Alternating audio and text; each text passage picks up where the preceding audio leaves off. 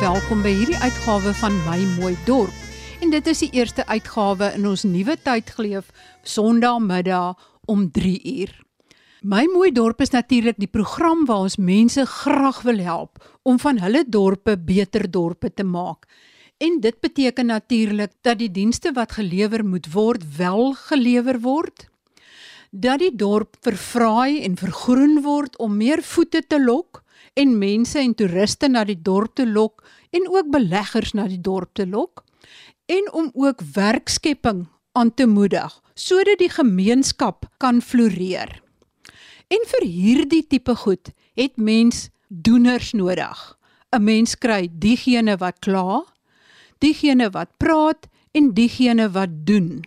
My gas vandag is Quentin Adams en hy is 'n doener.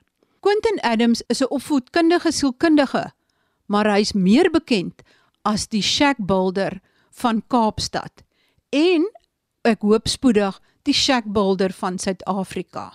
Hy bou shacks en nie shacks wat sommer omval en platgewaai word deur die wind nie, maar sterk, stewige shacks met goeie ventilasie, met deure en vensters, 'n sementvloer en 'n hoë dak en daar's goeie insulering. Met ander woorde, die shack is sterk, solied en goed geventileer en baie koeler as die gewone shacks wat mens so gereeld in informele nedersettings sien.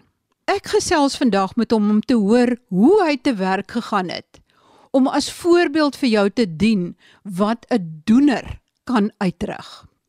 En hy het ook die backyard waastie begin. Quentin, vertel vir my meer Hoe het hierdie hele ding begin? Goeiedag Marie, baie dankie. Ehm um, hierdie projek het in 2002 begin. So ons is al meer as 20 jaar as ons besig in informele nedersettings en om uh, plakkers te, te bou. Dit het begin by die gemeenskap met die naam van Freedom Farm. Dis daar waar ek 'n seentjie ontmoet het en uh, een van die gemeenskapsleiers het my daarna toe gevat. En uh, toe ek die haglike omstandighede begin sien van hierdie gemeenskap en besef dat ek wil graag 'n groter fokus plaas op uh, informele nedersettings. En daar het ons verskillende programme gehad met gemeenskapsleiers. En uh, oor die jare het ek uh, betrokke geraak by uh, Shack Fires. Dis wanneer die plakkers uit aan die brand slaan en ons het 'n groot projek gehad om te kyk na alternatiewe metodes in terme van beligting om die kers te vervang want die kers is regtig die grootste oorsaak van hoekom shack fires begin. En dan die tweede grootste probleem is die is die gaskanne. Wanneer hy shack aan die brand begin val en hy gaskan ontplof. En so het ek uh, begin betrokke raak in informele nedersettings en ek het ook op verskeie of met verskeie ander informele nedersettings gewerk. Ek dink ek het amper al my voete was al in al die nedersettings, informele nedersettings op die Kaapse vlakte. Maar in 2017 was daar hierdie groot storm gewees. Ek weet nie of uh, mense kan onthou van hy groot brand in Nysna nie.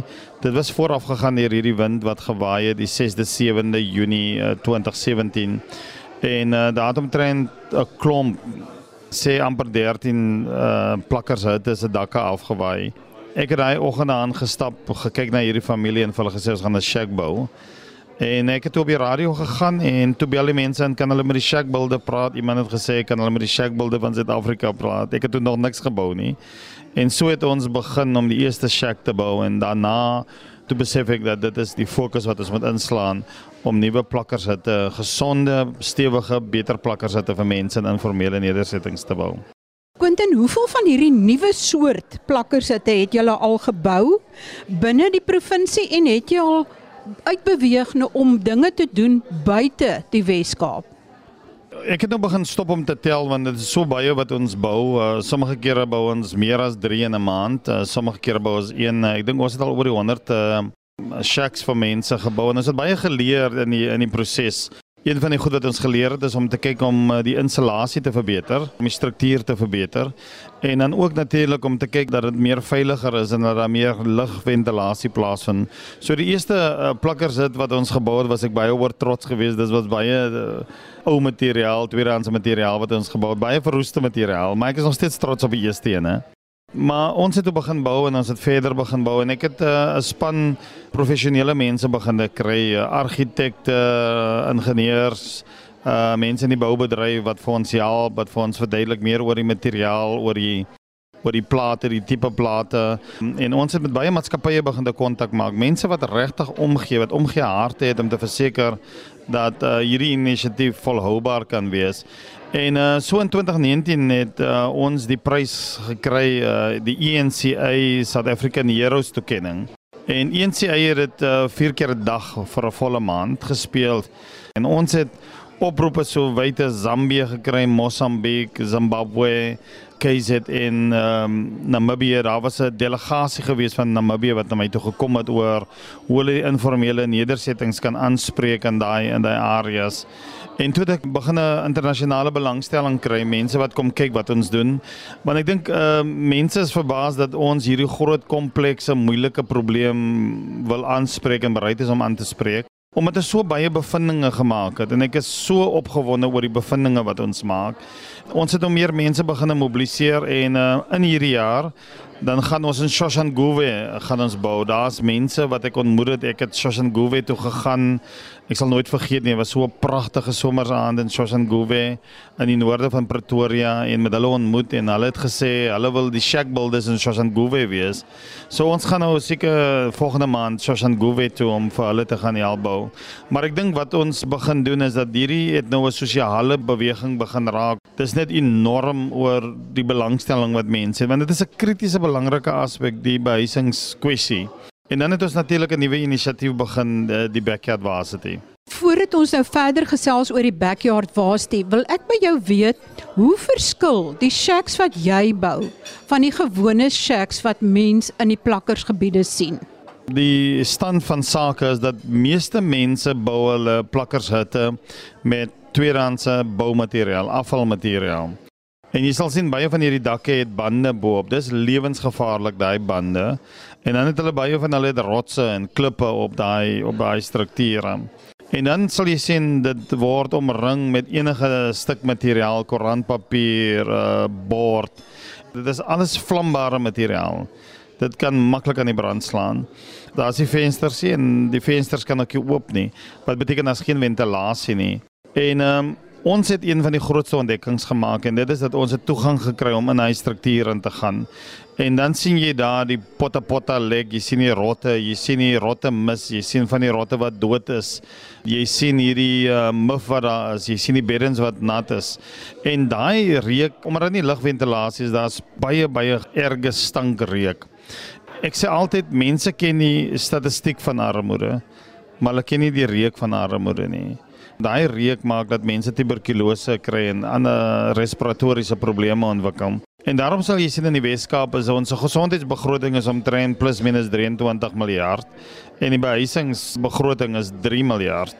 Die vraag is hoekom is die gesondheidsbegroting so hoog as gevolg van die lewensomstandighede van die mense in hierdie informele strukture en dan die grootste krisis wat jy in die Weskaap kry en veral in die uh, nie net hier nie maar ook in Gauteng maar is baie baie prevalent soos hulle sê kom baie voor hierso.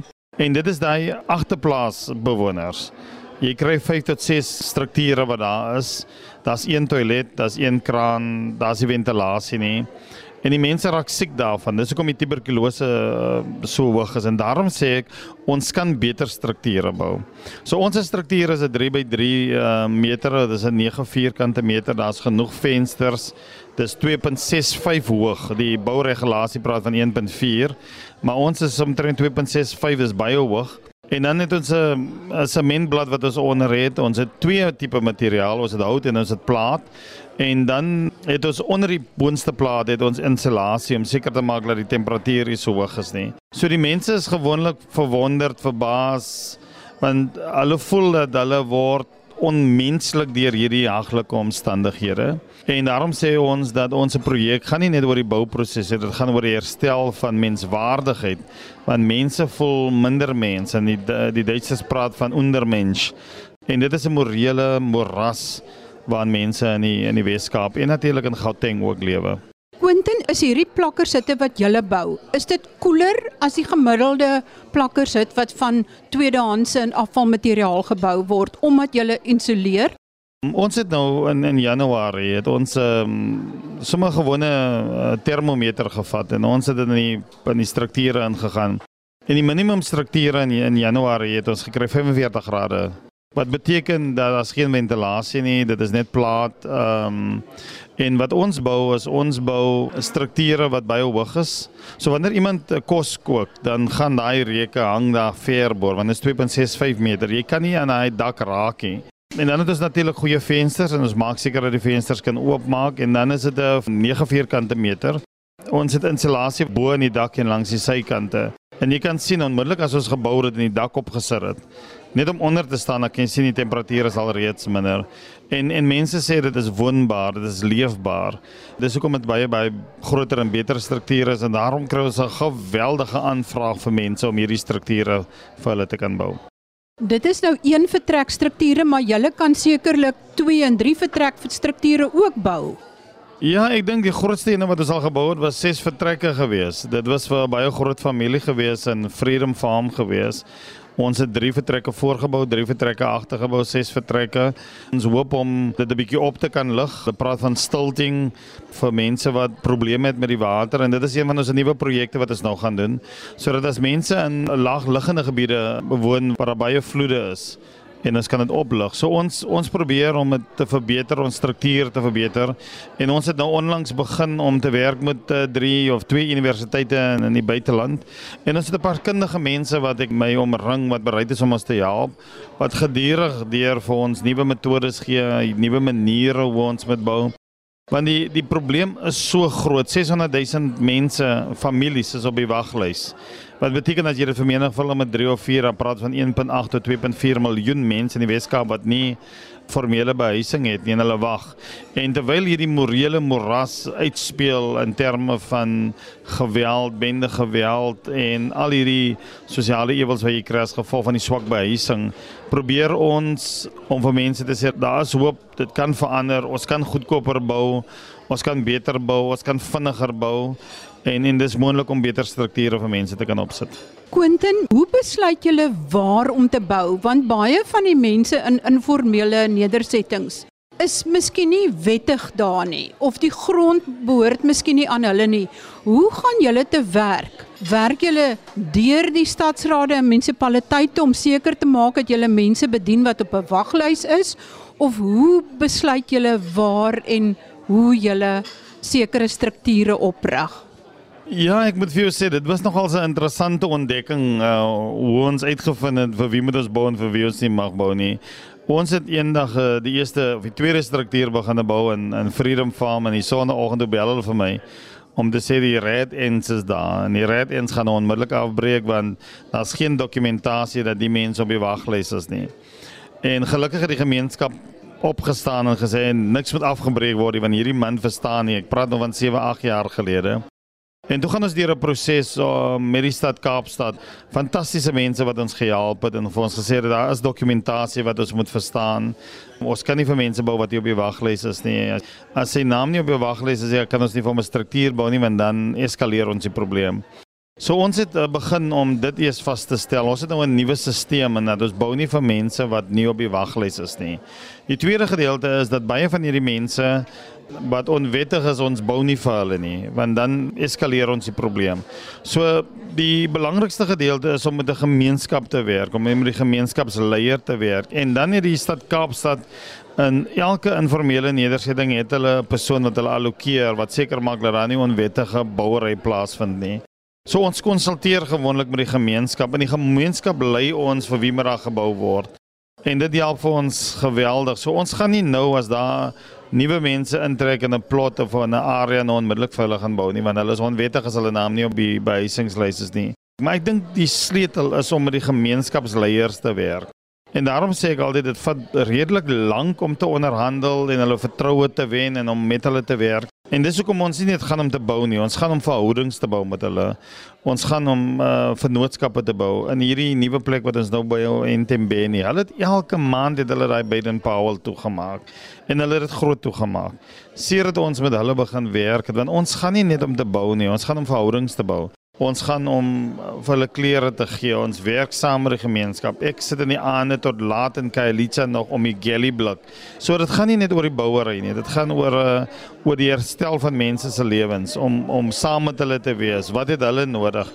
een van die ouens het 'n mechanic besigheid begin. Ons ondersteun hom, ons help ons luister en dit maak die werk baie makliker. En ek daarom dink ek dit gaan oor erkenning en dit gaan oor nie 'n charity diskurs nie. Dit gaan oor social justice. Dis wat ons wil doen.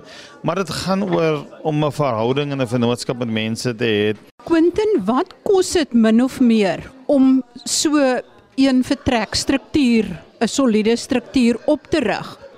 Wie betaal dan daarvoor? Word julle befonds sodat julle dit kan bou vir die persoon wat dit nodig het? Uit watter begroting kom daai betaling wat julle kry om die struktuur op te rig? Ja, ons is 'n organisasie sonder winsbejag. So die stad Kaapstad of die provinsie of die gee nie vir ons geld enige sent nie. En wat ons doen uh, gewoonlik is ons gaan na die gemeenskap toe dan vra ons vir hulle nie hoeveel moet ons verander nie, want ons wil nie beloftes maak nie. En jy moet glad nie beloftes maak wanneer dit by behuising kom en strukture nie. So ons vra vir die gemeenskap, wie is die persoon wat hulle dink moet daarvoor gebou word? En dan mobiliseer ons ons borge. Ons het so 'n paar borge, nie baie borge nie, maar ons het 'n paar borge. En ons doen ook fondsinsameling uh om daai struktuur te bou. So om uh, twee vertrekke te bou is dit omtrent so R14000, om drie vertrekke te bou is omtrent R21000. En dan het ons uh, mobiliseer ons borge en mense wat vir ons donasies gee om te kan bou ons het uitgevind wanneer ons nou buite kan die Kaap bou dan die koste en die logistieke koste is natuurlik baie meer. Ons was nou onlangs in Mosselbaai en Grootbrakrivier en ons het drie strukture gaan opsit. Een struktuur se materiaal het ons gaan gee en ons het ehm, 'n um, 10 ton trok het ons gehad. Ons was so opgewonde geweest. Ons het 'n trok, ons het 'n span, ons gaan bou, ons gaan hoop gee in hierdie land. En uh, ek wil sê Here asseblief, ek wil 5 trokke hê. Ons wil hierdie land wil ons herbou. Ons kan dit doen. Ons kan dit verander en ons weet hoe om dit te doen. So om twee vertrekke te bou is kos dit R14000 en drie vertrekke is R21000. En ons het geleer hoe om daai bronne te mobiliseer hoe om dit moontlik te maak. Ons gaan nou in Mei maand, Mei Junie maand gaan ons probeer om 10 strukture op te sit binne 'n bestek van 'n week, 2 weke. En uh, ons is net opgewonde oor hoe ons begin het. Jy, jy weet ek glo in die domino effek.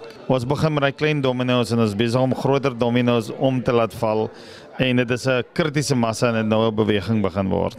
Baie dankie aan Quentin Adams, opvoedkundige sielkundige en bekende shack builder van Kaapstad.